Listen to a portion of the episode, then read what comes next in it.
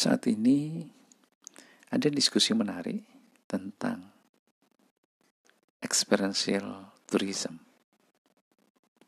Menariknya karena istilah itu sepertinya baru muncul.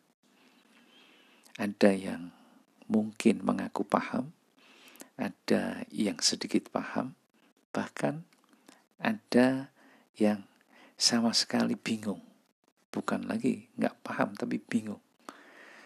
Saya mau mencoba untuk ikut berdiskusi di dalam podcast ini.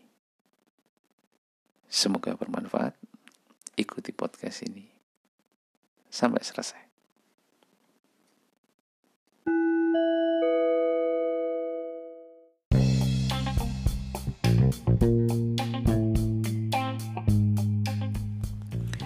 Assalamualaikum warahmatullahi wabarakatuh. Salam sejahtera untuk kita semuanya. Kembali ketemu dengan saya Mas Fasil Seorang fasilitator outbound. Oke teman-teman di episode kemarin Episode 68 Saya mencoba untuk memberikan pandangan tentang experiential learning. Ya mudah-mudahan teman-teman bisa ngikutinya. Dan memang uh, podcast ini saya buat untuk edukasi dalam rangka edukasi tentang experiential learning atau outbound orang yang biasanya mengenalnya di episode-episode kemarin kalau teman-teman baru gabung bisa mendengarkan tentang bahasan experiential learning atau outbound tadi dengan contoh-contoh yang sederhana. Bagi teman-teman yang apa namanya setia untuk mengikuti ya mudah-mudahan uh, bisa sudah mulai bisa mengambil manfaatnya. Ya sedikit atau banyak itu tergantung ya ya. Tetapi prinsipnya adalah podcast ini podcast Mas Fase ini saya buat dalam rangka untuk berbagi uh, mengedukasi. Syukur-syukur alhamdulillah ada manfaatnya buat teman-teman semuanya. Untuk episode sekarang tadi saya sudah buka mau bicara tentang masalah experiential tourism nah ini yang menarik ini. Saat ini sedang banyak bahasan tentang hal itu dan saya mau mencoba untuk uh, urun rembuk lah kalau bahasa Jawanya terkait dengan experiential tourism itu. Mudah-mudahan bermanfaat. Ikutin sampai selesai kita mulai membahasnya.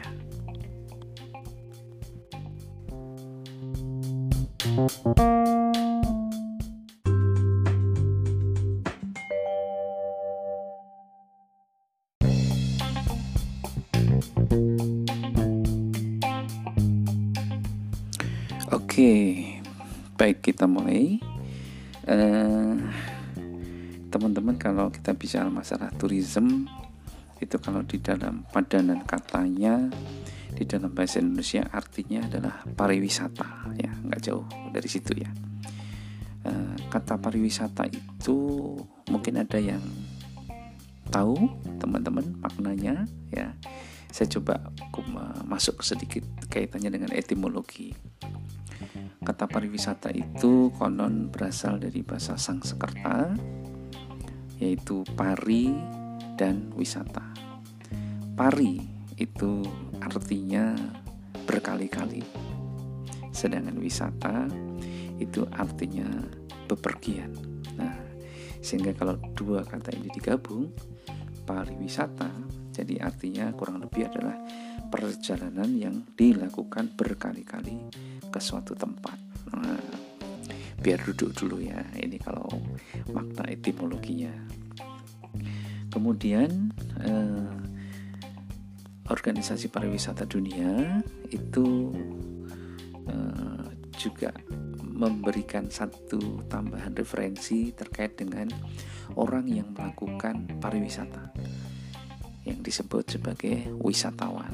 Nah, seorang wisatawan itu atau turis itu melakukan perjalanan konon katanya itu minimal paling tidak adalah sejauh 80 km atau 50 mil.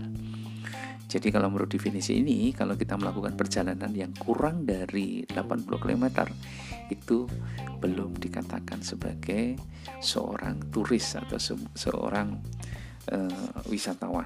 Nah, ya ini menarik ya, itu untuk informasi dulu. Nanti bahasanya kaitannya dengan apa experiential tourism seperti apa nanti dulu sabar dulu. Nah kemudian lebih menarik lagi kalau dikaitkan dengan Undang-Undang Nomor 10 Tahun 2009 tentang kepariwisataan. Di situ dikatakan bahwa pariwisata adalah berbagai macam kegiatan wisata yang didukung oleh berbagai fasilitas serta layanan yang diadakan oleh satu masyarakat, yang kedua pengusaha, yang ketiga pemerintah, dan yang keempat adalah pemerintah daerah. Hmm, jadi lengkap ya. Jadi apa satu kegiatan itu didukung adanya fasilitas. Ini berkaitan dengan uh, kegiatan pariwisata. Makanya muncul kita tidak uh, sudah banyak melihat yaitu wisata-wisata yang dikelola oleh masyarakat. Mungkin ada yang pernah mengenal dengan desa wisata. Kemudian ada yang oleh pengusaha banyak sekali. Pastinya ya waterboom atau mungkin tempat-tempat wisata yang lain kayak gitu. Kemudian ada yang dikelola oleh pemerintah pusat. Ada juga yang dikelola oleh pemerintah daerah. Nah oke nah ini kalau kaitannya dengan experiential tourism ini bagaimana ini? Nah di dalam kegiatan experiential learning nah ini masuk ke learning ya konon kan ada empat ada empat segmen ya. Dalam tanda kutip segmen itu adalah kegiatan yang dilakukan.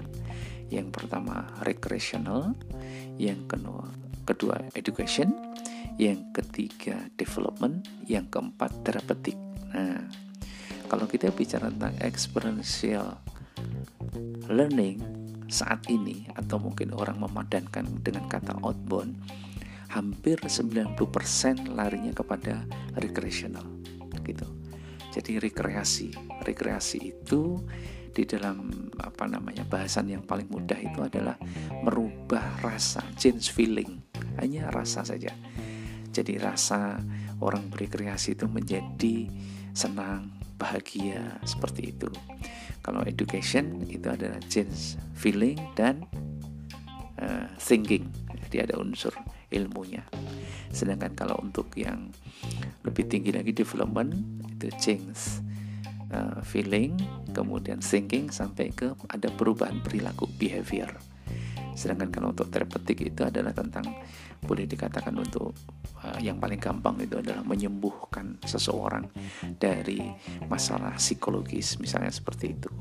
Nah, beberapa hal untuk pembukaan mudah-mudahan teman-teman jadi bisa menghubungkan antara tadi tourism pariwisata dengan experiential kemudian dengan experiential learning nah dari episode yang kemarin saya bicara mengenai masalah experiential mudah-mudahan bisa kebayang dulu seperti apa sekarang kita bicara tentang masalah experiential tourism nah Eh, kita break dulu sebentar ya. Uh, kita lanjutkan lagi, ikutin sampai selesai.